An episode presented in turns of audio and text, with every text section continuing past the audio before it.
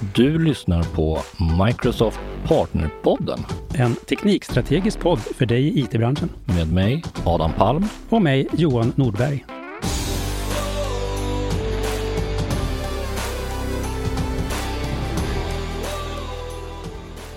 Hej och välkommen till avsnitt nummer 100 av Partnerpodden.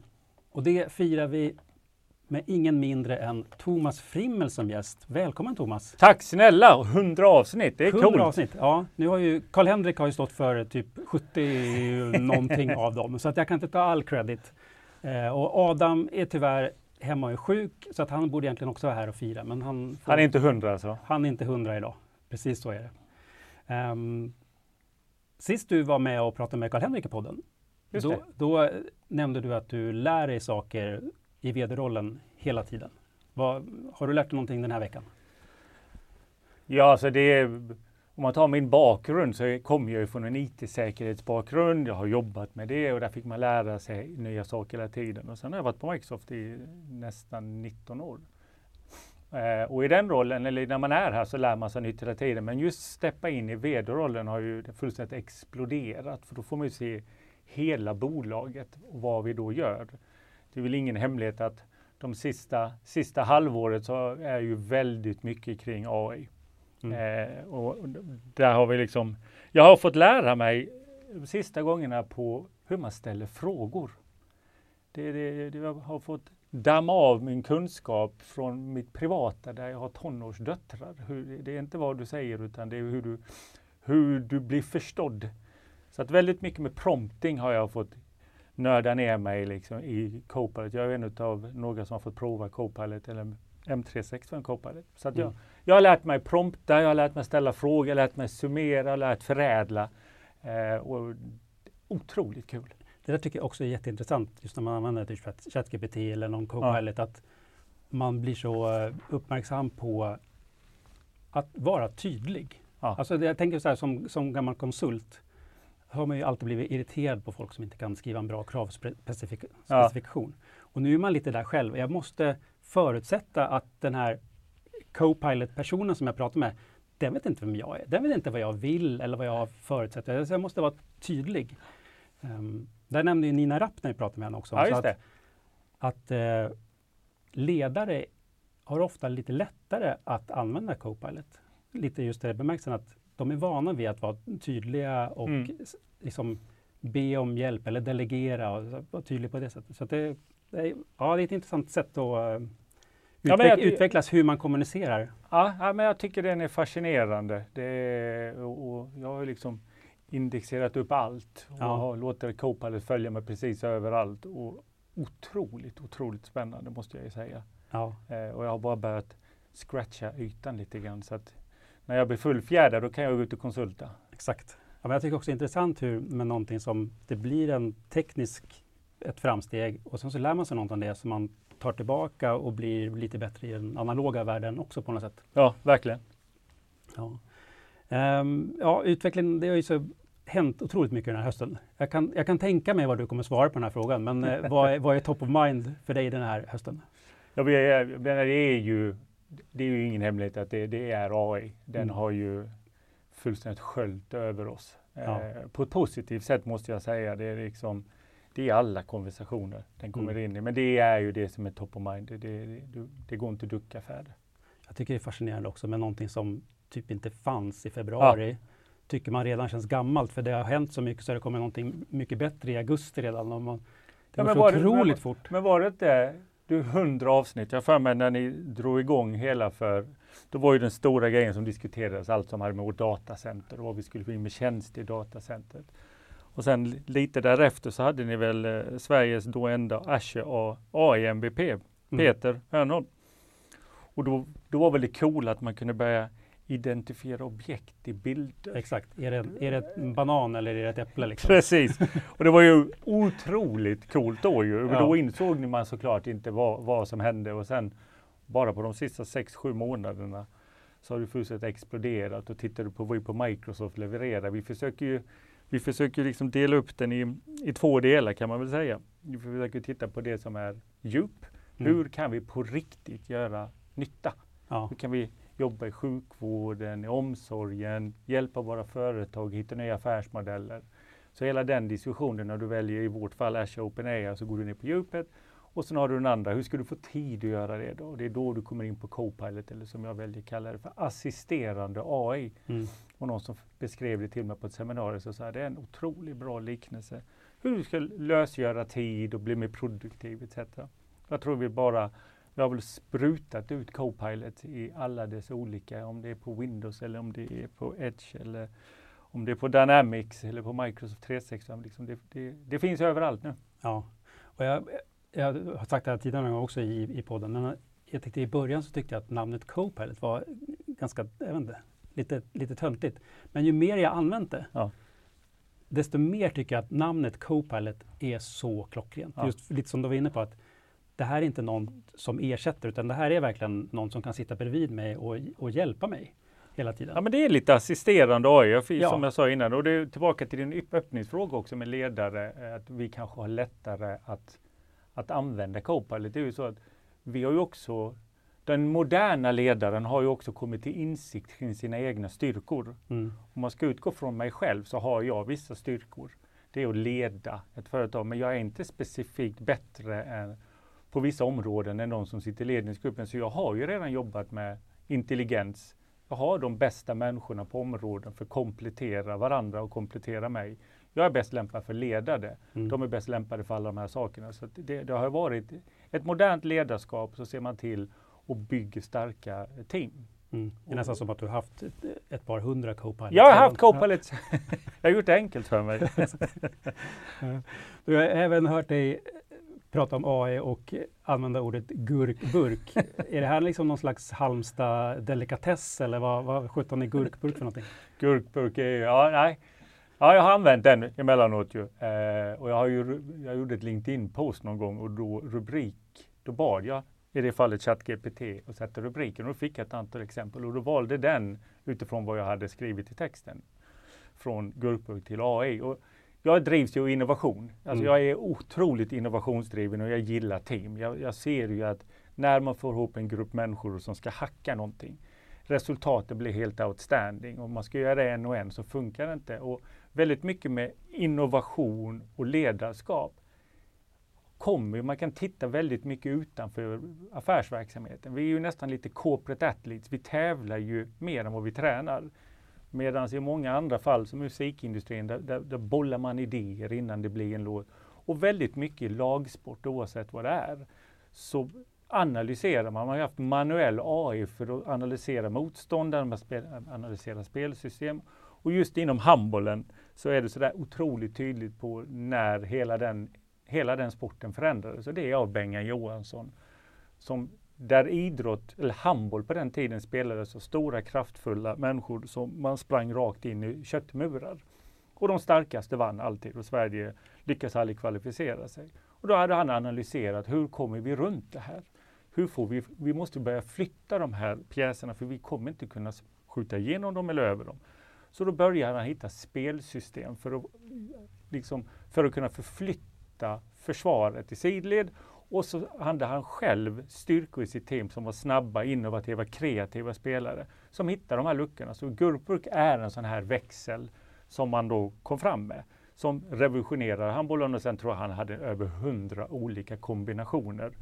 Och tittar du på dagens handboll så är det ju en kopia av vad han skapade. Och från det att han skapade så tror jag det är tio år där vi antingen vann eller kom tvåa i alla tävlingar vi kom med. Så då spelar han på sina styrkor. Jag tycker det Därav kopplar jag det till innovation, jag kopplar det till, till faktiskt analysera situationerna och hitta ett system runt det. Det är därför mm. Gurkburk. Så nej, det är precis vad det heter. Gurkburk. Och, och, och, i, hans fall så var det verkligen bokstavligt talat att gå runt problemet. Ja, ja, ja. ja med, ja, nya lösningen. Ja. ja, jag tyckte det, det var otroligt coolt. Ja, ja kul, kul um, liknelse. Eller det är ju inte en liknelse. Nej. Det, är inte ens en liknelse.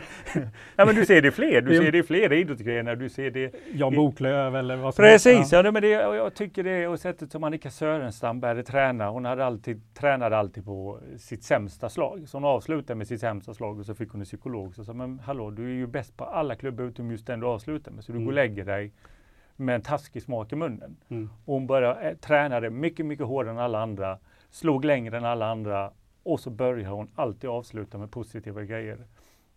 Så att just det här, när man tänker utanför boxen som det så vackert heter, men, Ja. jag, jag går igång på de där coola grejerna. Ja, jag håller med. Ehm, jag jobbar ju mest med, med tech i min vardag. Eh, Kanske i och för sig hela Microsoft är tech, men kanske mer tech i techet på något Ja. sätt. Ehm, men om man ser liksom tech som sektor, hur ser du att liksom den påverkas av AI? Den påverkas den mer eller mindre än andra sektorer? Eller är det, liksom, det här är så brett så det går överallt? Ja, men alltså, det, jo, vi påverkas mer än, än alla. Jag menar, vi vet ju, nu- nummer ett så behöver vi fler människor in i techsektorn. Det är fortsatt så att de tror att inom loppet av ett år, eller vi är redan där, kommer vi behöva 60-70 000 pers till in i den här sektorn. Mm. Det jag gillar med, med AI, det är, ju, det, det är ju att man får tryck från verksamhetstoppar. Eh, vilket vi väldigt sällan har fått tidigare. Liksom, att det kommer intresse för att förädla sin egen affärsmodell som kommer ner och så, så lutar man sig på IT för att ska hjälpa till. Men kravställandet blir väldigt mycket från toppen eller från affärsverksamheten. Det har jag sett som en tydlig trend bara de sista månaderna. Eh, jag ser också som jag egentligen inledde med liksom att väldigt mycket av de världsproblemen som finns som vi inte har lyckats lösa. Liksom hur ska vi jobba med miljön och hur ska vi jobba med faktiskt cybersäkerhet på en annan nivå. Stora delar av det lever jag i en väg. Jag är ju fortfarande sådär det närmsta ett trollspö du kommer är teknologi. Mm. Och nu när du kan börja prata och skriva med dina modeller, large language models, och inte behöver koda, så får du mycket, mycket mer hjärnor som kommer vara med och utveckla det. Så att jag tror absolut IT-branschen, eller hela techindustrin, kommer förädlas. Sen tror jag du kommer få se, vad blir techindustrin? Mm. Du, du kan ju inte driva en verksamhet idag utan tech. Du kan inte driva en, ett sjukhus utan tech. Du kan inte driva en bil utan tech. Nej, man märker att det jag lyssnar ju ganska mycket på andra podcast än den här. Det, det, det finns andra. Va? Det finns andra än den här faktiskt. Eh, och vissa av dem är faktiskt rätt bra. Mm. Eh, men där märker man också när folk intervjuar eh, liksom väldigt djuptekniska personer som jobbar på bolag som man tänker så här, varför jobbar den här personen på det här? Men det är ju också det, tech är verkligen Ja, är inne överallt. överallt och det Ja. behövs överallt och det finns superintressanta problem att lösa överallt. Ja. Så att, eh, ja, jag håller med dig. Ja, men jag tycker det är intressant. Sen, sen är det lite mänskligt för tillfället. Jag såg någon sån här liten rolig bild på, på någon av de sociala medierna. Det var två stycken kiosker och i ena kiosken stod det liksom hur man kan använda ChatGPT till att boosta sin karriär och utveckla sin firma. Och på den andra kiosken så stod det hur man kan lura ChatGPT. Och kön på den där man skulle lura ChatGPT var ju hundratals av människor. Och på den andra var det en. Mm. Och ju mer man ställer frågor och försöker lura, ju bättre blir ju alla de här. Och ju mer nytta får de som faktiskt använder AI till att förädla sin egen verksamhet. Så det, det, det är tydligt att jag tror fler och fler har kommit förbi den här initiala fasen att man ska bara försöka lura eller försöka hitta på grejer som de här motorerna inte kan idag. Ja. Eh, och gå över till att hur kan jag använda det här in i min verksamhet? Och det är då tech, techindustrin kommer fullständigt explodera. Mm. Och en annan bit som, jag- som jag var och träffade eh, en VD på en bank häromdagen och då, då satt vi och diskuterade och där var vi väldigt tydliga med varandra. Kan du ha en ledningsgrupp idag utan att ha techkompetens i den? Går det? Eller går det inte? Mm. Eh, vi var väl överens om att nej, det kommer inte gå. Du måste ha djup techkunskap sittandes i ledningsgrupper. För att annars så missar du egentligen den stora innovationen. Ja. Eh, och du vet inte hur du ska göra, du vet inte det, hur man ska implementera det. Så det ska bli kul att se lite grann trenden framgent om, om det kommer in i fler organisationers toppstyre techkunskap, vilket jag tror det kommer göra. Ja.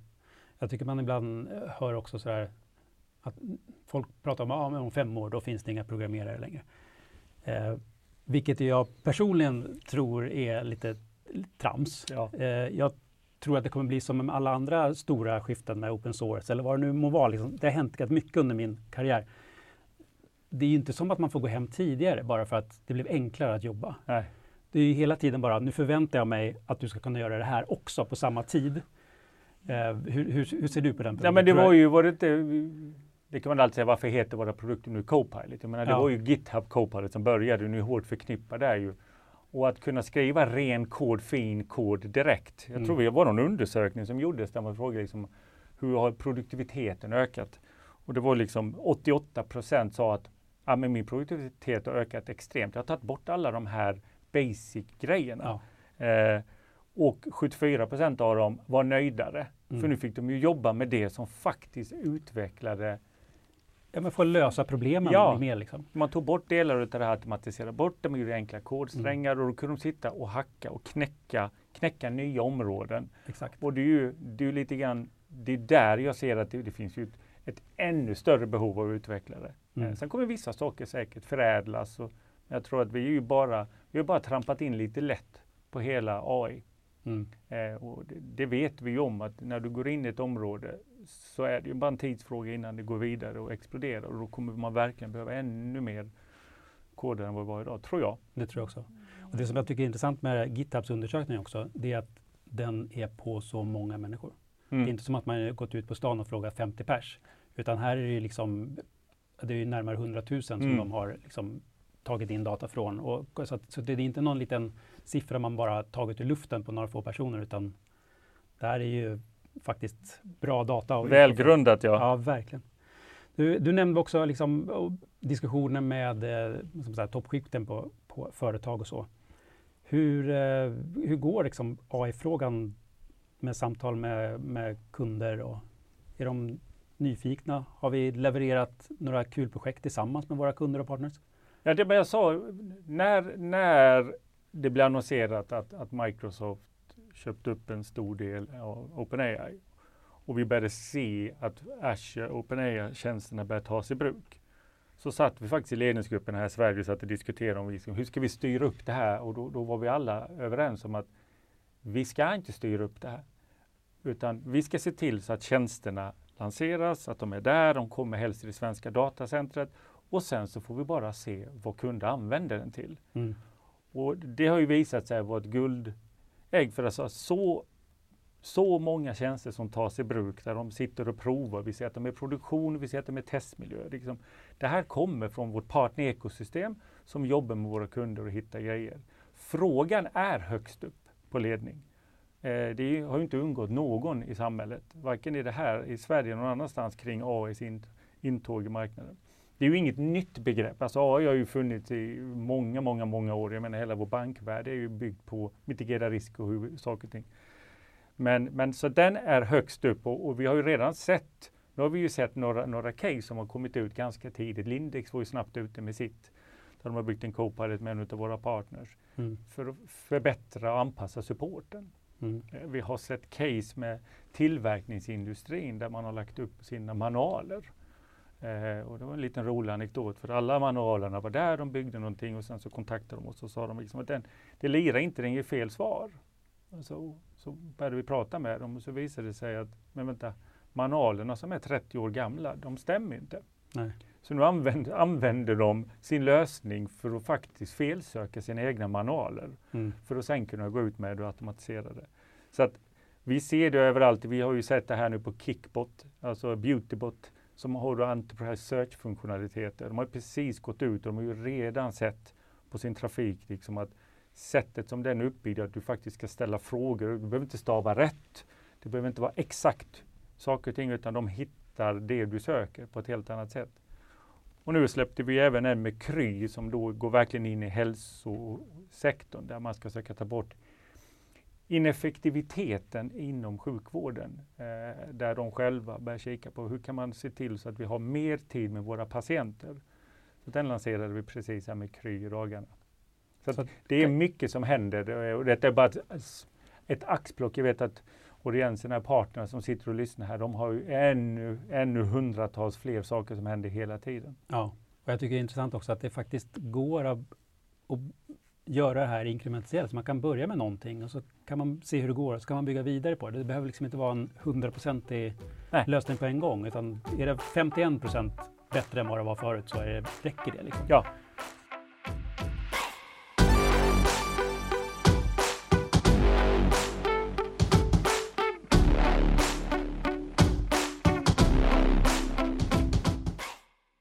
Där märker jag också som, som tekniker bara hur mycket enklare det har blivit att göra till exempel en, en chatbot med min data Mm. i Azure. I början så sa jag, ja, men det går, du behöver göra de här tio stegen. Nu är det i princip en kryssruta. Vill du ha din data? Ja, visst här. Peka ut vart datan finns då, så fixar vi det. Ja. Bara, och det är också bara, det är mindre än ett halvår så har det gått från att vara Ja. någonting som var Jag fick ganska case. svårt till att bli jätteenkelt. Ja, ja, men jag fick ett case. Nu kan jag inte exakt siffrorna på det, men jag fick ett case presenterat för mig där de skulle göra analysera eh, cancer. Jag vet inte om det var bröstcancer eller vad det var. Där de tog en, en, en, en AI och gick igenom allt det här. Så, här, vad har du för felmarginal? Mm. Så var det en felmarginal, jag minns inte om det var 3 eh, Och sen så gjorde människan det också, gick igenom alla dessa plåtar och kom fram till att felmarginalen var ju lägre. Så människan var ju starkare än AI-roboten. Mm. Och då kan du liksom enkelt dra slutsatsen, men vad ska jag med AI till då? Mm. När du kombinerade de här två, du lät AI gå igenom första laget och sen gick människan igenom det andra laget, så var du ju nere nästan på en träffsäkerhet på över 99,5 procent. Mm. Så, så tillbaka till din, vi inledde allting. När du ser AI som en assisterande capability, tänk så mycket liv du kan spara. Mm. Tänk så mycket saker du kan utveckla där du kombinerar det bästa av två världar. Det är lite så vi själva gör till exempel på Copilot Security. Eh, där vi har liksom 3 500-4 tusen riktigt duktiga, djupa arkitekter som verkligen går ner och tittar på det. Och sen har du då AI på toppen av det, bara för att skanna hela världens signaler. Det är miljarder, det går ju inte att göra utan. Så vi har det bästa av två världar. Jag tror lite grann det är dit vi är. Dit kommer man vara på väg. Mm, jag, jag tror också det. Och just med som är screena röntgenbilder eller MRI-bilder. Att så AI kanske kan ta en miljon bilder och sen så de som den är tveksam på lämnar över till en mänsklig Ja. expert. Liksom. Så man kanske bara kan, det blir en skalfördelare i det hela också på ett så stort sätt. Ja, men jag håller fullständigt med dig. Ehm, du nämnde att det är många liksom, ledare och företag som är otroligt positiva kring AI. Ja. På, finns det motsvarande sätt att de liksom, känner någon osäkerhet eller någon stor stress kring det här? För att säga, Åh, jag måste vara med, jag måste, eller man är rädd för, eller vad, vad, vad är baksidan av det myntet? Ja, nej, men du, jag tror du är på någonting. Vi får inte heller glömma var vi kommer ifrån. Vi har ju, vi har ju, vi har ju pratat digitalisering i det här samhället väldigt, väldigt många år. Mm. Och sen så kom pandemin och helt plötsligt så skulle vi slå om till 100% digitala. Mm. Och då märkte man ju stressen in i det där. Och sen märkte man ganska snart att men vänta, det går ju att använda sig av Teams i alla verksamheter. Det går ju. Arbete är något man gör och inte en plats man åker till. Eh, men i vissa fall så måste du åka in. Eh, så då märkte man liksom, det gick, alltså vi, vi digitaliserade, vi hjälpte till, eller partnern och vi själva hjälpte till att digitalisera något otroligt bara för att få dem att kunna bibehålla sin verksamhet. Nu är vi ju i nästa fas där då tittar vi in liksom på ett, ett jag tror det är ordet artificiell som, som, som skrämmer en del människor. Men, men det, det är så som du uttrycker det, tittar man assisterande, det är en hjälpreda, den här för att underlätta. I mitt fall så är det en assistent i mitt dagligdags liv. Jag skriver ju knappt längre, jag pratar in i min telefon, jag pratar in i min bil, jag pratar in överallt. Så att jag tror att det finns, det finns lite, jag skulle inte säga en oro, men det är ju som all, all annan förändring Mm. eh, gör ju att du måste fråga dig själv, är det, är det här en bra förändring? Är det en förändring som kommer bestå eller är det något som bara kommer en fluga som någon trodde om internet back in the day? Så det här Ja. kommer ju bestå. Det här, det här, det, Ja, och, och det på något sätt, i, i de flesta typer av problem så räcker det med att det är marginellt bättre än vad det är sämre för att det ska vara någonting positivt. Ska man eh, ha något system som stänger av ett kärnkraftverk om det blir en härdsmälta, ja, då vill man att det funkar till 100 procent Ja, ja, varje gång. Men om det är att generera en text till en presentation, då räcker det med att ja, men den gjorde det lite snabbare, lite bättre än vad jag hade Mm. kunnat göra själv, för att det ska vara värt det på något sätt. Så att alla problem kanske inte behöver vara alltid helt utan baksidor för att det ska vara värt det på något sätt. Nej, men och du behöver också, tror jag, som ledare få, få lite mer insyn i din egen verksamhet och din egen organisation. Ehm, jag var och pratade i måndags på en organisation där jag gick igenom bland annat AI, Daniel Akenin och jag var där. Och, men, men sen började jag prata om ledarskap Mm. och de olika filosofierna inom ledarskap. Du har civilorganisationer med toppstyre och jag försöker förespråka så platt som möjligt. Och då står jag och pratar en hel del om Viva Engage. Så, så sen vi introducerade Viva Engage så har vi plattat till ledarskapet. Det innebär att de, det finns ju människor på Microsoft som kan gå in och kommentera, de kan pinga mig, de kan ha åsikter. De kommer så, och det här föder ju bara transparens och, och, och stärker vår organisation. Och sen så lyfter jag också över den till det jag gillar, det är ju liksom att om du jobbar i organisationer så är det där du brainstormar. Det är din grupp du brainstormar. Men ibland kan det komma crossfunktionella frågor. Då fångar du ju inte upp kompetensen på hela bolaget. Så att när du använder hashtag Viva Engage så är det helt plötsligt ämnet som diskuteras oavsett var du sitter i organisationen. Mm. Utan nu vill vi diskutera det här. Och den kunskapen eh, eh, använder jag ju själv när vi hjälps åt att bygga strategier på vad ska Sverige ta vägen. Så att det finns enkla redskap som hjälper dig att fånga upp saker till organisationen och också hjälper dig i ledarskapet. Eh, så det, det, den landade bra där och det, liksom, det, finns ju också områden som just nu håller på att blomma. Liksom, liksom, jag ser fler och fler på LinkedIn som säger att vi, vi rekryterar med AI. Mm. Så säger jag, det är superbra. Men har du analyserat och gått igenom de rekryterande och landat, och har du i en AI-värld, har du tänkt på vad är det för kompetenser du söker? Har man inte gjort det, jag förespråkar väldigt mycket mixed minds, att du har mångfald, och då menar jag inte bara mångfald på kön eller mångfald på kultur, utan kunskaper, erfarenheter, åldrar, vad man har för livserfarenheter. För att jag tror att ju mer vi AI-fierar saker och ting, ju mer mänskliga beteenden kommer vi behöva. Du kommer behöva aktivt lyssnande, du kommer behöva social skills, du kommer behöva kommunikationsskills, du kommer behöva det som gör oss människor. Och då behöver man ha, har jag det som kvalifikationer när jag rekryterar eller inte? Har du det inte, då kommer du bara få samma människor fast mycket, mycket snabbare. Mm. Är det då med att utveckla? Det kanske det är vissa, vissa saker, men, men jag, jag, tror att man ska tänka till lite grann när man ger sig in i det här. Att man breddar sin sökgrej och börjar titta på gruppdynamiken. Mm. Alltså just det där med mm, risken med att man bara får mer av samma, den, den kan jag känna lite oro för kring typ generativ AI överhuvudtaget. Mm. Att ju mer innehåll vi faktiskt producerar med hjälp av AI så föds det tillbaka i slutändan till att liksom skanna internet på nya saker för att träna på som är AI-tränade eller genererade. Så till slut så blir det som att den har tränat sig på sig själv lite grann. Ja. Och vad, så här, vad, hur, hur blir det? Jag, vet inte, jag har ingen aning om Nej. om det kommer vara ett problem eller inte. Men jag tycker att det är en, det är en intressant sak att tänka på. att man tillbaka till mixed minds. Om, ja. om, om, om, vi ska låta en, en 50 plus vit man vara med och driva algoritmerna bara. Mm. Då kommer jag ju indirekt ha mina egna förutfattade meningar synliggöras. Mm. Så, så att Kommer jag då representera hela samhället? Antagligen inte. Nej. Så för att göra det, så tillbaka till din point, då, då, måste man ha bredare, du måste ha bättre mångfald. Jag brukar prata om mångfald för mig är innovationskraft. Eh, Mixmind, tänk annorlunda, våga tänka annorlunda. Det går, det är okej. Okay. Det, det här företaget står vi för att du ska få testa. Mm. Och sen blir hela inkluderingsfrågan kulturen. Det är att man skapar de ramarna, att det här är helt okej, okay. kom igen. För annars tror jag, tillbaka till din punkt, det blir om du, om du övar saker och ting med samma saker så kommer du komma till samma svar. Fast mycket, mycket snabbare. Precis. Och, och, det, och det där blir ju också helt orelaterat till AI. Jag tänker att om nu, om vi tar kod som till exempel. Mm. Eh, om det nu är mycket västerländska, eh, oftast män, som mm. har skrivit mycket kod, speciellt öppen källkod, så kommer den vara tränad på det. Det blir också väldigt mycket viktigare att det är fler typer av personer som skriver och delar kod. Jag tänkte snart ska vi dra igång när årets tech-tjej till mm. exempel. Mm. Eh, att faktiskt få in fler som producerar saker för att få den där bredden som är men, viktig. Och där ser man, det, nu lyfter du upp det här, men den, den är ju cool. Jag har varit med och varit med i jurys och saker och ting i många år. Och man ser ju nu ansökningar till det här. Mm. Det fullständigt exploderar varje år. Det är fler och fler unga. Och vi har också förändrat vår rekryteringsfilosofi lokalt där vi tittar mycket, mycket bredare, på, inte på skolor enbart.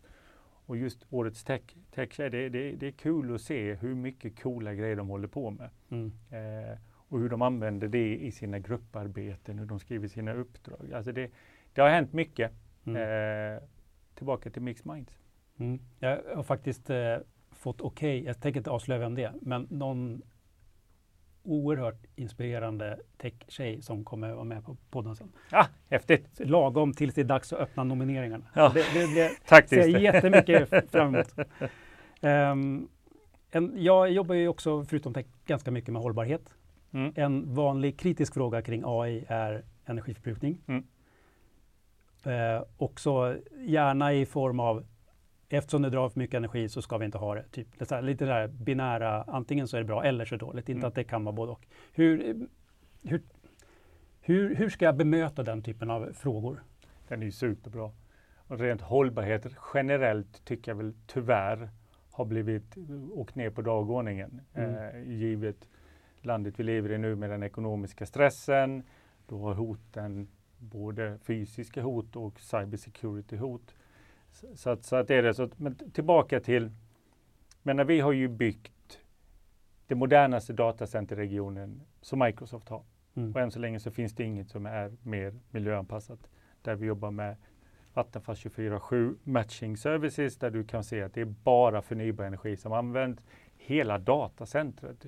Och det är jag skulle verkligen vilja kunna ta dit kunder och partners med, men, men, men hela ta med mig, jag vill jättegärna åka dit Ja, jag förstår det. Ja, jag var där när det började byggas så det är otroligt imponerande. Ja. Det är från allt är ju genomtänkt. Det Ja. finns till exempel inga kylaggregat där inne. Allt Nej, och det är ingen vattenkylning Nej. heller.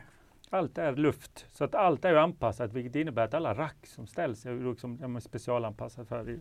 Så att det, frågan dyker inte upp så länge, eh, så mycket längre, men, menar, men den kommer ju komma. För det är det ju så att, men är det någonstans du- man tror teknologi kan hjälpa till så är det ju det här området. Mm. Eh, det, det, det krävs ju resurser för att, för att hacka den här typen av frågor. Det, det krävs det. Och jag tycker att vi gör mer än förväntat när det gäller hela, hela den anpassningen. Eh, både i Sverige och som land. Och menar, vi har ju rätt så kraftiga, eller rätt så bold bet som vi säger. Vi ska vara negativa och sen 2050 så ska vi ha dratt ut CO2 lika mycket som har populerat sedan vi startade företaget 1975. Mm. Och vi trackar ju mot det. Eh, När, när, jag, eh, när jag började på Microsoft för två år sedan och liksom försökte få jobba mer med, med hållbarhetsfrågan, då tittade jag på våra gamla white papers från, jag tror att de är från 2018. mm, Eh, och det som var intressant med att läsa dem 2021, det var att man inte bara såg löftena, utan man kunde faktiskt se vad som har hänt. Ja. Så det, och man insåg att många av de här, som du säger, väldigt eh, st- stora löftena, mm. många av dem är ju faktiskt på god väg att bli uppfyllda i förtid. Ja, det ja, tyckte ja. jag var otroligt coolt, just att få läsa någonting i efterhand istället Ja. för att här, bara blicka framåt. Och här är vi ju, vi, och här om man tittar på Sverige och det vi, vi jobbar ju bland annat i ett nätverk som heter Massiv. Så vad, vad vi har gjort i Sverige är att vi har försökt gå in i olika typer av partnerskap. Mm. Eh, där vi kan vara en hubb för att få de här företagen att samarbeta. För det blir ju en dataplattformskonversation. Det är vad gör vi med datat? Hur ska vi tracka det? Vi har ju lösningar på hur du ska visualisera det. Eh, Sustainable Manager, men, men det är väldigt mycket underliggande processer och framförallt nu när du går in i ESG och det ska rapporteras på det så krävs det någonstans att jag tror inte det kommer räcka att säga att hej, vi har gjort den här machine learning-grejen och vad de här sensorerna, nu har vi minskat så här mycket, utan det kommer verkligen vara vad är ditt nuvarande footprint? Och då Mm. kommer du ju allting som har med downstream att göra. Det är ju så när du kommer hela vägen ut när du kan börja mappa din, dina, dina ke- leverantörskedjor och deras produktionskedjor hela vägen tillbaka. Det är då du kommer se stora förändringar i världen. Mm. Eh, så att jag hoppas att ekonomin i världen stabiliseras så att den här frågan faktiskt kommer upp på agendan högre upp igen. Jag tycker Mm. den har halkat ner lite om jag ska vara helt Ja, ärlig. men jag håller, jag håller med. Det känns som att liksom, krig och annat irriterande grejer har liksom puttat undan det lite grann. Ehm, och jag tänker också att det kom- kommer vara ett bra tillfälle att prata om hur man kan, istället för bara, som vi säger, vi har, vi har ett av världens grönaste datacenter. Ja. Och jag pratar inte bara i Microsoft utan över hela världen. Mm. Google är ju normalt sett väldigt duktiga på det här också, men jag, jag tror faktiskt att Sweden Central är nog om det inte är det bästa så är det definitivt topp fem utan tvivel. Men just det här att med typ av AI-träning eller den här typen av liksom långa jobb, de går ju ganska väl att flytta till en plats, till en tid där energin är som grönast mm. just vid det tillfället. Och precis som med att göra en Copilot med sin egen data. De där grejerna har varit svårt, men de är inte så himla svåra Nej. längre. Så det är kanske också någonting som man behöver få folk att faktiskt förstå på ett annat sätt. Ja, nej, men jag håller med dig. Um, yes. Um, podden heter ju trots allt Partnerpodden. Ja! Vad, eh, har du något bra budskap som du vill sända ut till våra partners rent allmänt eller kring AI? Alltså, nummer ett, jag är extremt glad och tacksam att vi har så otroligt bra och coola partners. Ni, ni, de hjälper ju oss att utvecklas. Eh, mm. och vårt jobb är att försöka se till så att de får tillgång till teknologi så att de kan vara de som hjälper våra kunder, gemensamma kunder där ute. Så att jag, jag, tycker de gör det makalöst, makalöst bra. Men det är ju, det är ju några saker som, som jag ser, liksom, du ställde en fråga, vad är top of mind eh, tidigare? Jag menar, vi kan inte komma undan utan att prata om cybersecurity till exempel. Eh, det, jag, för att jag tror det var, det var NATO i, som, som, som pratade häromdagen och de sa att vi ska ha 2 ja, för att vara med i NATO så ska 2 av ditt BNP läggas i försvarsindustrin. Och av det så ska man försöka lägga 10% i digitalt skydd. Och de sa också att vi måste börja titta på standardiserade lösningar, inte dyra hem, hemmagjorda lösningar som löser pointen nu, för det går så fort. Mm. Och ska NATO hålla ihop sitt så är det digital defense. Väldigt, väldigt tydligt pratar de om det. Så att vi börjar ju se att det öppnas upp i stort sett alla områden där man tänker first layer of defense. Vad är det? Och det måste vara en global spelare. Och vi är, Microsoft är helt rätt positionerade. Vi ser att behovet ökar. Vi ser att våra investeringar, vi lägger ju 2 miljarder dollar om året i investera säkerhet. Vi har ju en omsättning på över 20 miljarder så att vi är den största cybersecurity-leverantören där ute. Och det är grunden i det man måste göra. Så oavsett vad man jobbar med så ska man känna trygghet att jobba med, med Microsoft cybersecurity-produkter eller tjänster så är man både best of breed och best of plattform. Mm. Och det är grunden, så det vill jag liksom att partners ska ta med sig. En annan bit, vi pratar väldigt mycket AI. Och ibland får jag ju känslan att, att folk ska ta nytt världsrekord i höjdhoppning på vad det nu kan vara, 2,47 eller vad det kan vara, 46. Men de glömmer liksom bort att infrastrukturen för att uppnå det måste vara agil, optimerad. Och det går inte att lägga, för det är som du lägger tjockmattan framför ribban och så ska vi försöka slå det där rekordet. Så att AI är sammanvävt med en infrastruktur. Och där har vi ju en oändligt massa partners som springer ett jättebra jobb. Mm. Och där vill jag verkligen att de ska tänka på säkerheten, datakvaliteten.